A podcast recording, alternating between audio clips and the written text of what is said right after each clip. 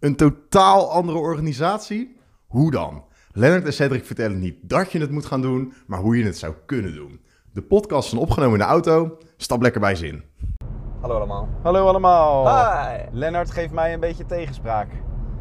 Ja, denk dat? Geef mij eens een, te- een beetje tegenspraak. Nou, dat shirt kan echt niet. Is dat genoeg?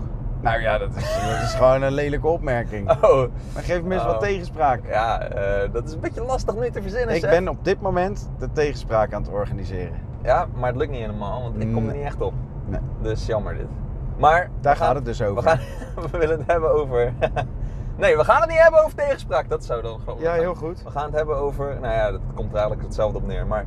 ehm laissez-faire, that's not okay. Dat gaan we daar. Dat laissez-faire manier van doen. Wat heel erg. eh, de dingen die wij zeggen of de dingen die wij doen. komt soms heel erg over als. Ah, dat is zo'n laissez-faire-achtig bedrijf waar ze dan alles loslaten. en dan zien ze wel hoe het allemaal. Nee, Nope. it's not. It's not. Het is eh, allemaal eh, minutieus gepland. Ook niet. Maar niet, nee. Ook niet? Nee, ook niet helemaal. Het is een soort ehm, Georganiseerd. georganiseerde rebellie. Juist. Want Ongeorganiseerde rebellie misschien Nou, beter. deels georganiseerd. Het is, eh, het is een soort van agile georganiseerd. Oh, gadver. St- Stap voor stap, Nou, iteratief, nu vind ik het al echt niet meer leuk. georganiseerd. Ah, Ja, ja. ik heb er geen zin meer in. Nee. Zullen het ding is, hè, dus, eh, nee, nee, nee, Oh. zeker niet. We gaan zeker niet stoppen. Het, het ding is, ehm, ik kreeg onlangs een verzoek voor een afspraak en het ging ook over het, eh, het organiseren van interne tegenspraak. Dus eh, er mocht wel wat meer tegenspraak zijn. nou, daar vind ik in eerste instantie dan iets van. Dan denk ik, nou, op het moment dat je je tegenspraak moet organiseren, dan, is er, dan ga je al uit van een bepaalde positie. Namelijk ik de manager versus jij de groep. Ja. Ehm, en ik wil dat jij de groep meer je mond opentrekt tegen mij. Nou, daar hoeft op zich helemaal niks mis mee te zijn. Op het moment dat die verhouding aanwezig is en je gewoon aangeeft, ja, ik zou wel gewoon graag ja, meer tegenspraak willen. Dus ja, dan ga ik die organiseren. Mhm. En instant bekroop mij een soort van allergisch gevoel van ja, maar dat is eigenlijk raar. Maar hoe langer ik erover nadenk, hoe meer ik ook denk, nou, bij Kito was het ook allemaal helemaal niet zo laissez-faire als dat mensen maar denken. Nee. En wij hebben wel degelijk constructen geïntroduceerd of geïmplementeerd. Soms waardoor door strot gedouwd eigenlijk. ook, ook inderdaad gewoon echt gepusht. Waardoor bepaalde cultuurwaarden zijn ontstaan. Hè, als gevolg van de geïmplementeerde structuur. Dus eigenlijk is die vraag helemaal zo gek nog niet die we kregen. Eh, Ja, maar er is een verschil tussen eh, georganiseerde tegenspraak. Want dan, wat je dan wil, is dat andere dingen gaan implementeren tegenover wat jij vindt. Maar dat is niet per se hoe wij het hebben gedaan. Wij hebben niet tegen anderen gezegd, nou, ik ga jou eens even helpen hoe je jouw ideeën er doorheen kan drukken helemaal. Weet je? wel. Nou, hebben we dat misschien wel hier en daar gedaan als iemand een goed idee had. Maar we hebben dat niet zo georganiseerd om tegenspraak te krijgen. Wat we wel hebben gedaan. Dus daar zit een beetje een verschil. Dus je kan die tegenspraak organiseren, dat is meh. Want dat geeft een beetje aan van, nou, ik weet het allemaal eigenlijk beter, maar ik wil wel een beetje tegengas. zou- Want dat zou goed zijn voor mijn mensen. Weet je wel, een beetje zo. uh, uh, Eigenlijk kun je zeggen, het is de verkeerde doelstelling. Yes. Tegenspraak organiseren. Want Ja. er zijn wel veel methoden en middelen om ervoor te zorgen dat er meer interne ja, Dat, dat, dat mensen, inspraak. ja, en- dat mensen besluiten. Kijk, het gaat ook om besluitvorming. En dat Mhm. mensen sneller besluiten nemen. En daar ook een beetje af en toe een goede scheidfactor in hebben, zodat ze die dingen doordrukken. Ook al is 80% van de andere collega's denken, nee, ik zou het niet doen. Maar dan moet je, nog, dan moet je even de ballen hebben, of bal in mijn geval, om even door te zetten en dan eh, eh, een beetje te pushen, zeg maar. En, en, het, en het doorheen te krijgen. Omdat jij gelooft dat het op de lange termijn voor iedereen uiteindelijk wel beter gaat zijn. Nou, als ik heel erg voor mezelf spreek, was dat een beetje hoe ik dan eh, bij Kito vroeger heel erg, als ik dan weer een idee had of iets, of, dan, zou, dan deed ik dat op die manier. Dan dacht ik van ja, oké, ik ga het wel vragen. Ik ga advies vragen of iets dergelijks. Hè. Dat is onze besluitvormingsmanier natuurlijk. En dan ga ik toetsen wie het wil. Maar als er heel veel mensen het niet willen, ga ik het denk ik toch doen. Want ik denk dat in de long run het beter voor heel veel mensen is. En dat het beter voor de organisatie is. En daarom ga ik het doen. En dan kunnen nog heel veel mensen het niet zien, het licht niet zien. En dan kan ik ze proberen te overtuigen. Ja, soms lukt dat, soms niet. En, en dat is zeg maar sowieso het niet laissez-faire deel. Waarbij de leiders juist dingen door zouden moeten drukken omdat ze dingen vinden. Als ze moeten wachten tot iedereen het alleen maar goed vindt. Of kijk maar iedereen, weet je wel. Ik ga dan wel eh, dit en dit invoeren, maar jij hoeft niet per se mee te doen als je er geen zin in hebt.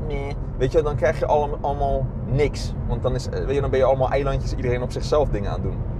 Dus soms in een organisatie waarbij je met meerdere mensen zit, wil je juist, denk ik, eh, de groep erbij hebben. En soms juist af en toe de leiderpositie pakken. En zeggen, jongens, ik vind het dat, gewoon, dat we dit gewoon gaan doen. Ik trek hem wel, de car, om het te gaan doen. Maar we gaan hier wel even stappen in maken. En nee, als het, een keer, als het niet werkt of als het kut is, kunnen we altijd nog terug. Hè? Daarom geloof ik al heel erg in. Gewoon lekker zeggen dat het altijd een experiment of een pilot is. Want dan heeft iedereen heeft dan het gevoel dat je altijd nog weer terug kan naar de oude situatie. En dat geeft een stuk, is altijd laagdrempeliger dan, uh, uh, uh, dan dat je zegt, nou dit is het plan en we gaan het uitvoeren en nee, weet je, we gaan er niet omheen of we gaan niet afwijken ervan. Dat. Je bent er weer, hè? Rela, even raas. Ja, Heerlijk, man. Ik laat je wel even lekker losgaan. ja, ja laissez-faire. Dus... Nou, ja, ik heb je nu echt even lekker laissez-faire. Nou, ja. ik, doe, ik, ik, op zich vind ik tegenspraak ook wel fijn, alleen hoef ik het niet bij jou te organiseren. Volgens mij gaat het meestal wel vanzelf als je het niet eens bent met mij. Nee, nee. Nou ja, twee dingen. Die, uh, sowieso, hè, het voorbeeld van je hebt de salaris uh, zelf bepalen en de collega-meting, die heb jij er gewoon flat out doorheen gedrukt. Terwijl, nou, hooguit de helft van de mensen het ermee eens was, maar ik denk de meerderheid mee oneens. Mm -hmm. uh, is toch gewoon gebeurd en dat heeft daarna geleid tot bepaalde zaken. Nou, het tweede ding, ongeacht of tegenspraak organiseren naar de verkeerde doelstelling is of niet. Als zij er iets mee willen, dan zijn er in ieder geval een aantal constructen die prima kunnen worden toegepast. Right? Zeker. Uh, collega-meting is yep. er eentje van. Uh, er zijn ook hele grote signalen van de directeur of directeuren en partners in dit geval. Uh, dit zijn allemaal zaken die we doen. Dit zijn allemaal zaken die wij niet meer doen. Ja. Of liever niet meer doen. En dan kijken wie welke van die zaken oppakt. Zodat je eigenlijk in ieder geval al een bredere uh, groep krijgt van verantwoordelijkheden. Yes. Uh, waardoor je automatisch het eigenaarschap uh, vergroot bij anderen. Waardoor je automatisch ook meer gelijkmatige samenspraak hebt. En dat is het, het verschil tussen tegenspraak en samenspraak. Je kunt dus zeggen ik wil tegenspraak, wat dus uitgaat van we gaan discussiëren. Maar je kan ook gewoon zeggen ik wil meer samenspraak. Ja. Dus ook, uh, meer sparringspartners, want dat is in principe wat die ja. ene man, ja. die volgens mij dat aan jou vroeg, uh, of zij, dat, dat is wat diegene wil. Die wil gewoon kunnen sparren, die wil op hoog niveau dat kunnen doen. En ja. af en toe inderdaad een tegengeluid horen om weer even geïnspireerd te raken voor een nieuw idee. Juist. Maar ja, dat is inderdaad meer samen dat je dat doet.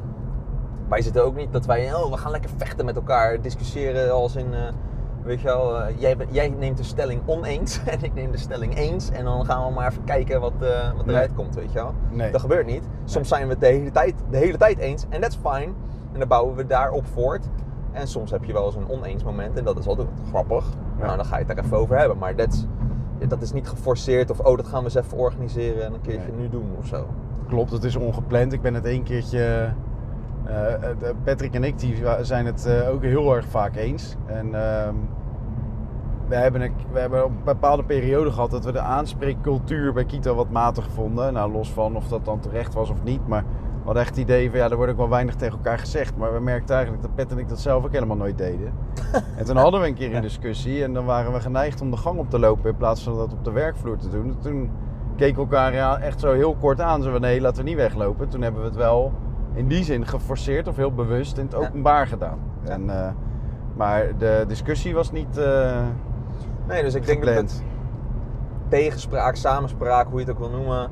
En, en, en zorg dat juist mensen ook zelf de initiatieven daarmee ook uiteindelijk gaan oppakken. Of uh, dus ook meningen durven te geven enzovoort. Ja. Dat bouw je op door het goede voorbeeld te geven. Mensen wel uit te nodigen om wat te zeggen als ze heel vaak hun mond dicht houden. Van hé, hey, wat vind jij nou eigenlijk? In feite, het adviesproces.